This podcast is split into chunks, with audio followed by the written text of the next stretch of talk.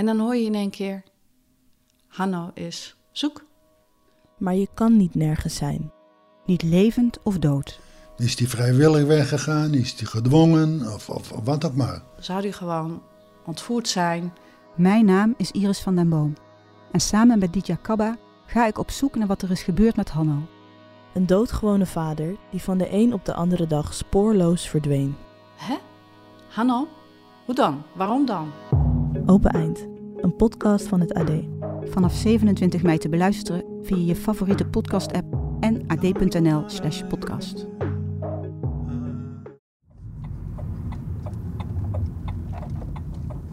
Over 500 meter neem op de rotonde de vierde afslag en rijd door op de Oostriklaan. Dit is de wijk waar het parkje is. Ja, hier een paar honderd meter verder ehm, eh, is het parkje. Ik denk dat uh, minder dan een minuut rijden. Als we hier zo omhoog komen, dan kun je het al uh, bijna zien. Hier bij die rotonde is het links. En dan zijn we er. We gaan terug in de tijd. Over 300 Ja. meter en je arriveert op je bestemming. Nou, ja, je kan het daar zien. Terug in de tijd inderdaad. Het is eh, heel veel jaar geleden dat ik hier was.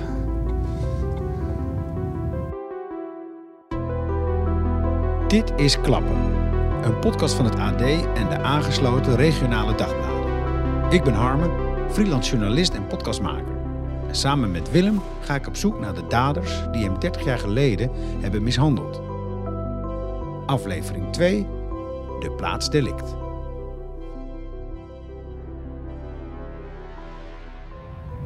Even kijken hoor, waar we hem neer kunnen zetten. Kijk, hier is het, bij het bruggetje.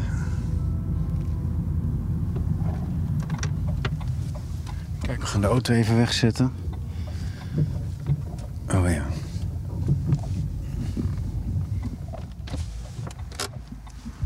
Kunnen die achterramen open? Of, wat- is dat elektrisch ook, die ramen? Of Nee, niet? die is niet elektrisch, maar die kan ik wel open draaien.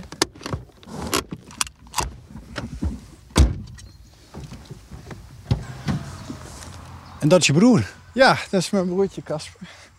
Die vangt ons op. Yes. Goedemorgen, ik ben eh, Harmen. Hoe is het ouwe? Ja, lekker. Ik ben Harmen. Hi, Casper. Hi. Je noemt hem Ouwe. Ja, we hebben veel bijnamen voor elkaar en ouwe is er eentje van. Wat is zijn bijnaam? Eh, ook ouwe, of eh Willempie, of Wimpie, of eh, zo kunnen we nog wel even doorgaan. Ik zie dat de broers een beetje ongemakkelijk zijn. Ze vinden het volgens mij best spannend. En ik stel me voor dat ze weer die jongens zijn van toen. De twee broertjes Hinskens, samen met nog een broertje en een vriendje, die 11 maart in 1994 gingen vissen. Hier in dit park dat toen nog de rand van Deventer was. Ik ben benieuwd naar de plek, het plaatsdelict. Terwijl we erheen lopen, zegt Casper iets moois.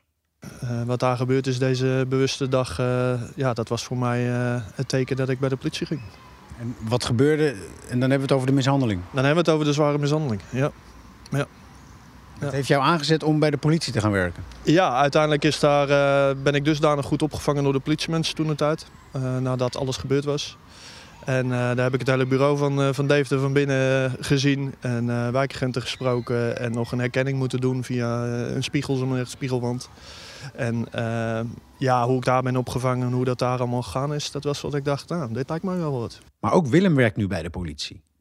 Ja, eh, ja, iets andere aanleiding dan hij. Maar ik heb wel dezelfde ervaring toen met de politie van toen. Eh, voor mij zat hem dat meer in het moment dat je wist dat de politie ermee bezig ging. Dat gaf een heel veilig gevoel.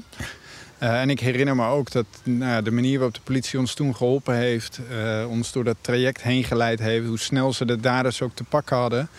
Eh, ja, dat, dat, dat maakte toen grote indruk. Eh, en ik, ik weet inderdaad ook nog van dat bureau. Dat bureau is inmiddels afgebroken, maar dat zat vroeger aan het Muggenplein. Ja, ik kan me nog heel goed die verhoren herinneren en hoe we daar in de ruimte zaten. Ja, en hoe ontzettend aardig en, en eh, meelevend zij waren. En, en echt nou ja, geweldig geholpen hebben toen. De jongens van toen zijn dus de politiemannen van nu. Wat een mooie symboliek. De mishandeling heeft dus ook positieve betekenis gekregen. Wat zou de agent van toen daarvan vinden als hij dit hoort? Inmiddels zijn we met z'n drieën in de buurt van het schiereilandje. Het park is licht glooiend met stukken gras, veel molshopen, hier en daar een wandelaar met een hond. Er is ook heel veel water. Als wij er zijn, schijnt de zon uitbundig en is het lekker warm. Willem en Casper zie ik langzaam veranderen van stemming. De gezellige sfeer van de ontmoeting bij onze auto's lijkt wat omgeslagen. Aan de gezicht van de man is te zien dat ze weer daar zijn. Daar in 94, op die 11e maart. Het is Casper die als eerste het woord neemt. Dus hier zo waar je staat, dat is eh, ja, echt precies waar, het, eh, waar je ze aan zag komen lopen. Zo. En dat, ja, dat gevoel, je wist gelijk dat het, eh, dat het niet goed zat. De, de, de, de blik in hun ogen, zo Eh, alles wat dat eh, uitstraalde, dat was, eh, dat was agressie, zo maar. En dan begint ook Willem te praten. Het waren iets van 15 of 20 eh, jongens en meisjes, eh, ongeveer van onze leeftijd. Nou, ik was zelf toen 13. Eh, sommigen waren wat ouder, anderen waren iets jonger, denk ik. Dus het was een grote groep, eh, veel geluid en ja, heel veel dreiging. Je wist gewoon, dit, eh, dit gaat mis. Ik voelde het ook direct. We waren met z'n vier in totaal. Eh, dus Casper, een ander broertje van ons Joost eh, en een vriendje. eh, stonden we langs de waterkant aan de andere kant van het eilandje. Daar. Ja, en daar, daar stonden we te vissen. Het was vlak voor de vakantie, of het was in de vakantie. En wij waren een dagje hier om met elkaar te vissen. En het moment dat wij de groep aan zagen komen lopen, eigenlijk ja, door de struiken heen, zag je een groep aankomen lopen. En er ging zoveel dreiging vanuit. Je wist al, het zit niet goed. Eh, je zit met je hengel in je handen en je denkt dan, nou, is dit allemaal maar goed gehad? En je ziet ook door die bomen die daar staan, dan op een gegeven moment ebt het geluid weg. En dan krijg je een soort van, oh, ze gaan volgens mij lopen ze door. Ja, en dan op een gegeven moment komen ze min of meer het hoekje om. Ja, en je weet, je weet eigenlijk gelijk al van, nou, dit gaat niet goed. Dit wordt of spullen worden gesloopt, of wij zijn zo aan de beurt. En eh, ja, het ging ook heel erg snel. Ja, wij stonden hier, wij, wij, keken naar onze dobbers. En we probeerden natuurlijk geen enkele aanleiding te geven om, eh, om hun onze kant op te laten komen. Eh, dus wij hebben naar het water staan turen, naar onze dobbers en hebben ons stilgehouden. Eh, maar wat er gebeurde is dat er twee meisjes uit de groep gingen met mij praten. Die vroegen eh, wie ik was, hoe oud ik was, waar ik woonde. Eh, nou, dat probeerde ik, eh, ja, nerveus probeerde ik die vragen te beantwoorden. En, en op de vraag waar ik woonde, zei ik, ja, ik woon in Deventer. En volgens mij hebben ze toen iets gezegd van, ja, maar dit is toch ook Deventer? Dus kennelijk had ik die vraag niet goed beantwoord. En dat was het moment dat ze losgingen.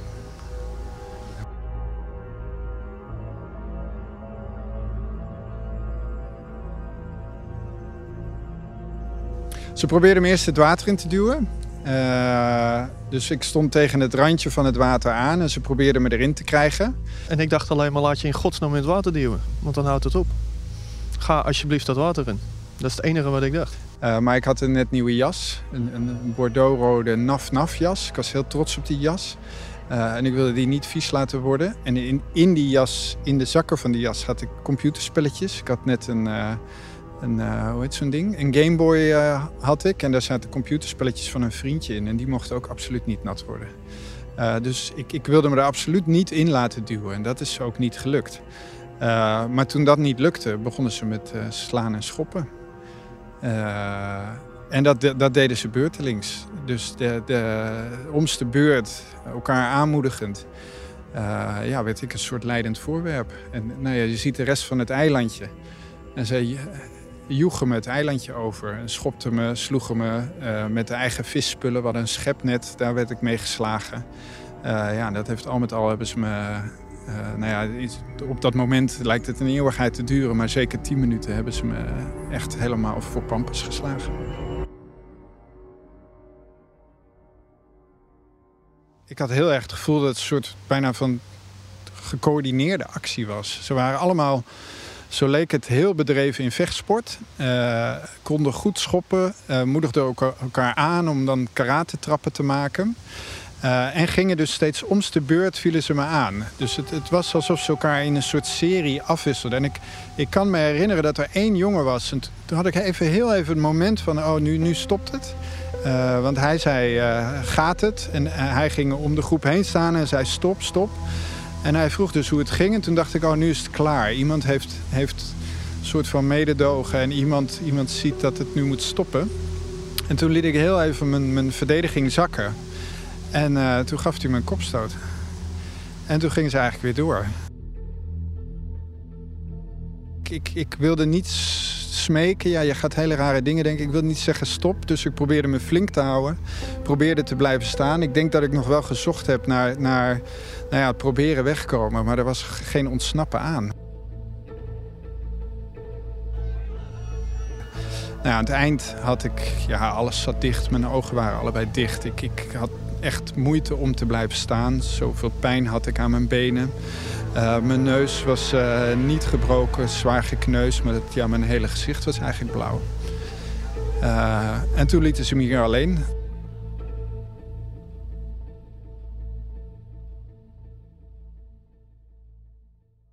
Ik heb dus heel lang gedacht dat ik een soort, ja, een soort van moest schamen om dat ik kwetsbaar was geweest, dat mij dit gebeurd was, dat ik niet teruggeslagen had. Daar stop je nu mee?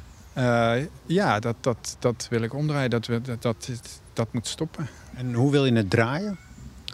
Uh, nou ja, eigenlijk in zekere zin de schaamte terugleggen waar die hoort. Namelijk bij de daders. Al ben ik dus niet op zoek naar uh, een soort wraak of zoiets. Uh, maar ik zou hun nog wel een keer in de ogen willen kijken. En, en zelf een keer willen vragen van waarom heb je dat nou gedaan? Uh, denk je er nog wel eens aan? Uh, zij zullen misschien zelf nu kinderen hebben. wat zouden ze ervan vinden als hun kind zoiets gebeurt? Hoe kijken ze daar zelf op terug? En wat is nou eigenlijk de aanleiding geweest? Want dat blijft de grootste vraag voor Willem. Waarom? Waarom moest hij het die dag zo ontgelden? Waarom waren ze zo agressief, zo gewelddadig, zo zonder mededogen? Vragen van betekenis. Nee, het, het, is, het heeft een hele grote impact gehad op, op het leven. Of je nou wil of niet. En, en zeker toen ik jonger was, heb ik het heel lang soort van afgehouden. En dan ga je in de derde persoon over praten. En eigenlijk heb je het er nooit meer over. En op die manier denk je van, nou, uh, laat ik het los. Uh, en tegelijkertijd voel je wel, zeker als je ook wat ouder wordt... dat nog heel veel keuzes die je maakt in het leven... wel ingegeven zijn door een, toch een soort van angst. En ik denk dat veel van die angst samenhangt met de plek hier... Uh, weet je, groepen uit de weg gaan. Zodra het onoverzichtelijk wordt of voelt, uh, ja, dan, dan merk je dat in je lijf. Uh, niet in de publieke belangstelling willen staan. Dat soort momenten probeer ik altijd een beetje te ontvluchten. en ik, ik denk dat veel daarvan heeft te maken gehad met dat moment hier. Terwijl ik om me heen kijk, zie ik dat het onmogelijk was om aan een grote groep te ontsnappen. Maar ik zie ook dat er vlakbij een best drukke weg ligt. Mensen die een hond uitlaten, fietsers, wandelaars. Het is ondanks de struiken en het water eigenlijk een open plek. En ik wil weten of er niet iemand is geweest die had kunnen ingrijpen. We liepen net langs een ander bruggetje.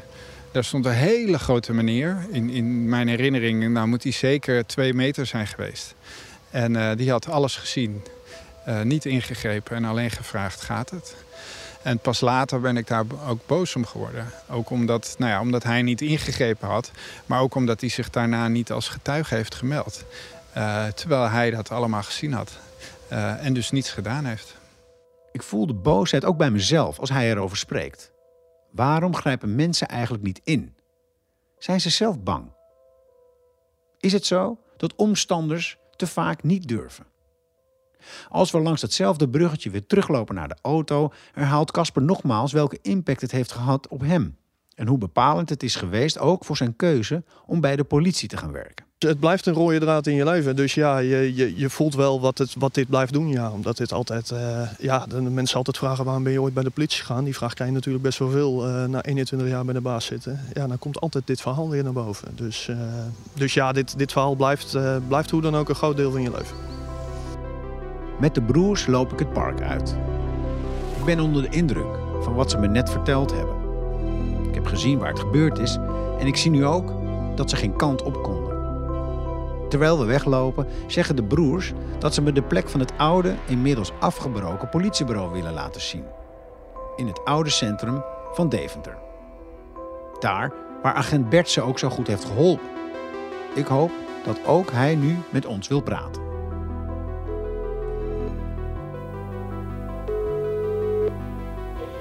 Dit is het voorstel van Bert.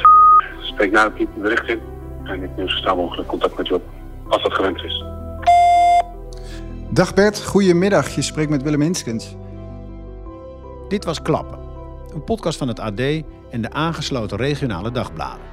De podcast is gemaakt door mij en door Willem Hinskens. Het sounddesign en de mixage is in handen van Klook. Eindredactie Kevin Goes en projectmanagement Manon van der Knaap. Meer podcasts van het AD luisteren? Ga dan naar ad.nl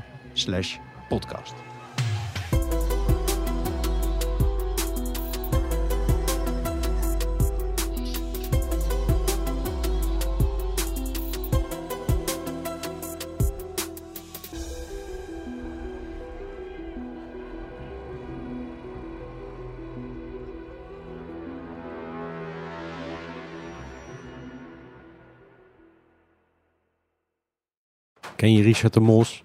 Die ooit zo'n succesvolle Haagse wethouder die alweer jarenlang als corruptieverdachte door het leven gaat.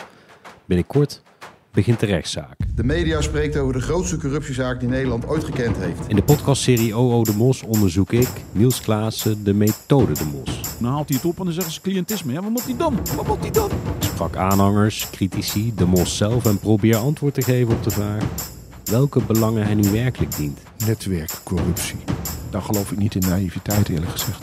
Die van zijn 30.000 kiezers of toch vooral die van een handvol rijke ondernemers die de partijkas spekken. Beluister vanaf nu OO de Mos via ad.nl slash podcasts of in je favoriete podcast app.